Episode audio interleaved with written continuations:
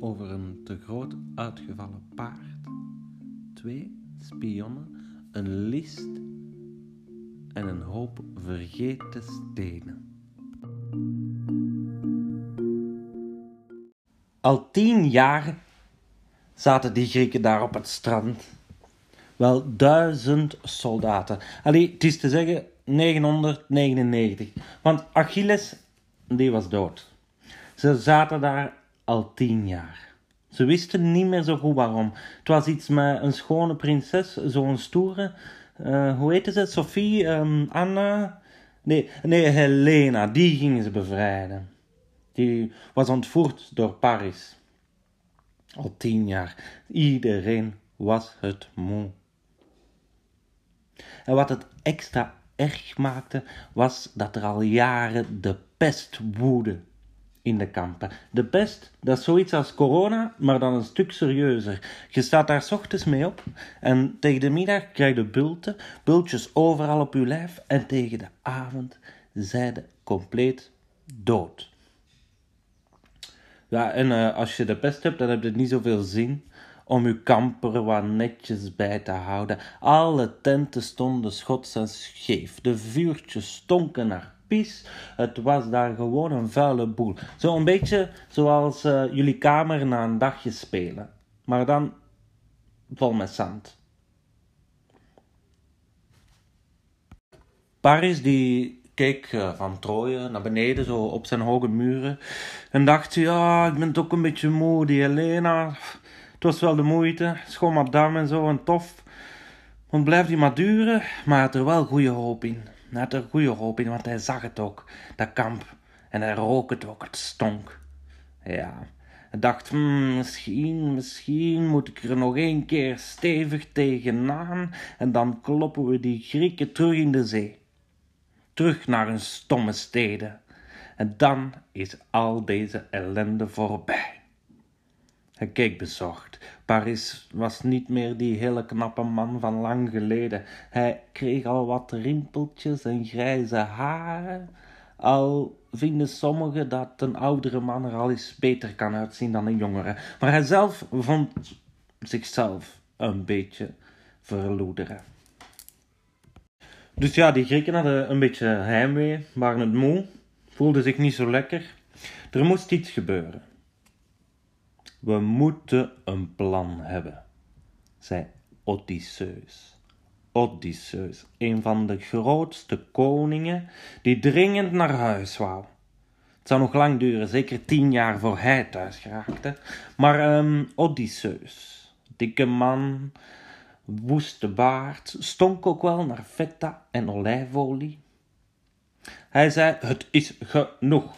We hebben een plan nodig, een list, want we gaan hier stevig ten onder. Eh, als die Paris nu buiten valt met de wat soldaten, dan is het hier gedaan. Hij riep op voor een list. Alle soldaten konden meedoen. Iedereen die wou, kon bij zijn tent komen kloppen en zijn plannetje vertellen. Een klein soldaatje kwam binnen met een groot plan. Weet je wat? We graven een tunnel, een tunnel tot voorbij de poorten van Troje. En dan, als het nacht is, springen we naar buiten.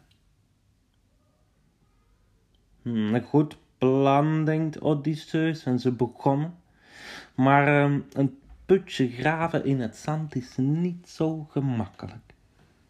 En eb en vloed maakt dat de voeten ook heel nat werden. Nee, dit werkte niet. Een andere soldaat, een brompot, kwam binnen en zei: We kloppen er gewoon nog eens op. Maar daar had Odysseus geen oren naar. Dat deden ze al tien jaar lang. Genoeg geklopt tegen die poort. Een andere soldaat was een mededrinker. Mede, dat zijn pintjes, zoals papa drinkt, maar dan met veel honing in. Hij was een beetje dronken en zei, weet je we maken hier gewoon een dik feest. En dan, dan gaan we terug naar huis. Punt. Genoeg geweest. Hier, santé. Ons verstoppen.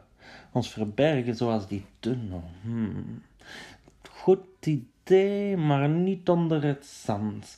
We kloppen erop, dat is al tien jaar de bedoeling. We gaan ervoor, we gaan dat toch nog eens proberen, maar anders. En een feest, een feest, ja, Odysseus zag het. We gaan gewoon een geschenk geven. We geven die Trojanen een geschenk van de goden. Een cadeau, denken de soldaten. Een cadeau. Misschien een paar sokken, zo de, de, de lelijkste kleuren.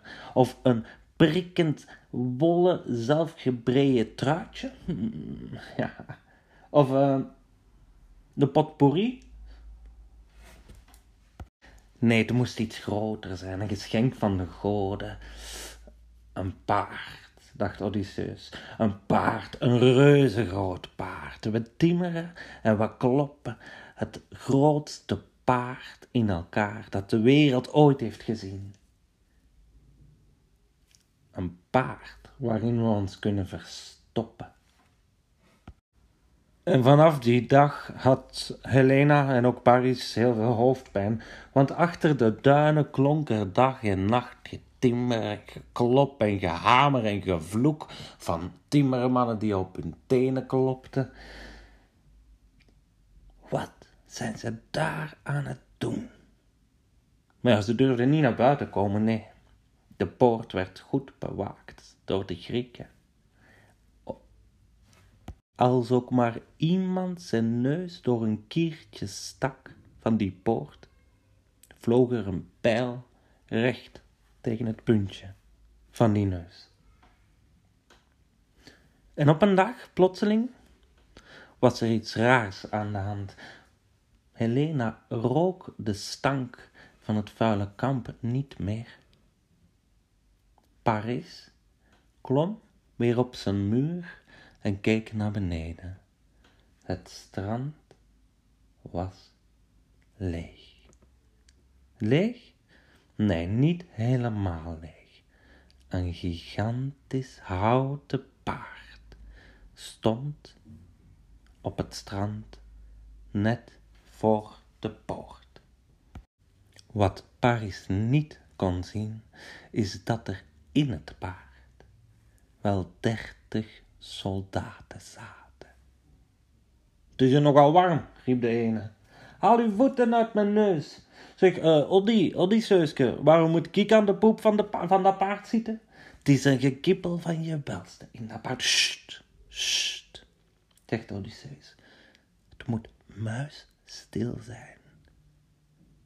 Hij fluisterde naar boven, naar het kop van het paard, naar twee soldaten. Twee soldaten die zich verborgen achter de ogen van het paard waar een piepklein gaatje zat. En, en hoe zit het? Lopen ze erin? Komen ze ons al halen? Jawel, jawel. De poort piepte open en daar kwam Paris. Hij stapte voorzichtig naar het paard en zag het briefje hangen. Beste Paris, wij hebben er genoeg van. Je moogt ze houden, die madame. We zijn het beu, gezegd gewonnen, maak er een feestje van. Dit is een geschenkje van de goden en ook van mij.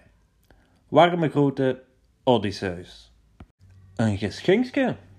Paris had al jaren geen deftig geschenkje meer gekregen. Zo wat prikkende sokken en lelijke truien en de potpourri, dat wel met kerstmis. Niks anders konden ze krijgen. De poorten waren al jaren toe. Allee, dat is plezant. De Paris riep al zijn soldaten bijeen. En samen trokken ze het paard de poorten van Troje binnen. Het was feest vandaag. Het was een groot feest. Iedereen begon mede te drinken. Er werd gedanst. Er werd stiekem gekust. Er werd een dik, dik feest gemaakt. Een feest, want zij waren gewonnen. Ze gingen naar het strand, ze gingen eindelijk nog eens een badje nemen in zee. Ze gingen, ze gingen, ze gingen alles doen wat al tien jaar niet mocht. En s'avonds, s'avonds, wanneer iedereen wat moe was, en zo uh, dronken in de straten zwalpte, of neervielen van vermoeidheid zomaar op een steen, op een rots op het strand, dan klonk er gefluister van Odysseus. Mannen, mannen, wakker worden, is van datte. Wat, wat, wat? We kloppen erop, we kloppen erop. Het paard, het luikje, aan de buik van het paard ging open. Een touwladder zakte naar beneden en de dertig soldaten en twee spionnen sprongen naar buiten. En ze klopten erop en ze... Ja, nu wordt het een beetje akelig. In het kort, er vielen veel um, doden. Het was nogal bloederig. Was uh, veel lawaai. Ook een vuurke, hier en, hier en daar een vuurke, overal vuur. Um, ik, kan, ik, het niet helemaal vertellen. Het is, het is uh, een hele vieze film. Alleszins, op het einde van de nacht lag Troje plat. Letterlijk. Van die hoge muur bleef er geen steentje meer over. Of toch geen mooi gestapeld steentje meer. De rook smeulde nog dagen, dagen na. Iedereen was dood of gevlucht. Behalve die Grieken natuurlijk. Die bouwden een feestje. En die prinses Helena? En die Paris? Wat is er daarmee gebeurd? Niemand weet het. Dat is nu echt tonnozel. Al tien jaar zitten ze te vechten. Komen ze af met tunnels en paarden en Achilles die daar gewoon van tussen gaat. Alles en nog wat. Dikke miserie. En waar zit ze dan? Die Helena? Ze zoeken overal. Nergens te vinden. Helena is verdwenen. Wat wel nogal uh, een domper op de feestvreugde was. Tien jaar, begot, en ze is er vandoor. Alle Grieken springen terug in hun boot. Het is genoeg geweest. Ze gaan terug naar huis. En sommigen staan er drie weken later al. Terug thuis. Bij moeder de vrouw. Hun kindjes, hun baby's. zijn al tien geworden. Ze zijn terug thuis. Allemaal. Behalve, behalve Odysseus. Odysseus, de man van het plan, had een paar goden een beetje boos gemaakt. Met zijn paardenplan en een briefje schrijven in naam van de goden. Dat was een foutje in heel zijn idee. Boze goden, dat valt niet mee. Odysseus zal er nog tien jaar over doen. Tien jaar avonturen, akelige dingen, slangen, gekke vrouwen, van alles en nog wat, voor het thuis geraakt. Maar dat is misschien voor later, dat verhaaltje. En Troje, ja, Troje, daar is nog veel over geschreven en gezongen, maar niemand wist meer waar Troje lag.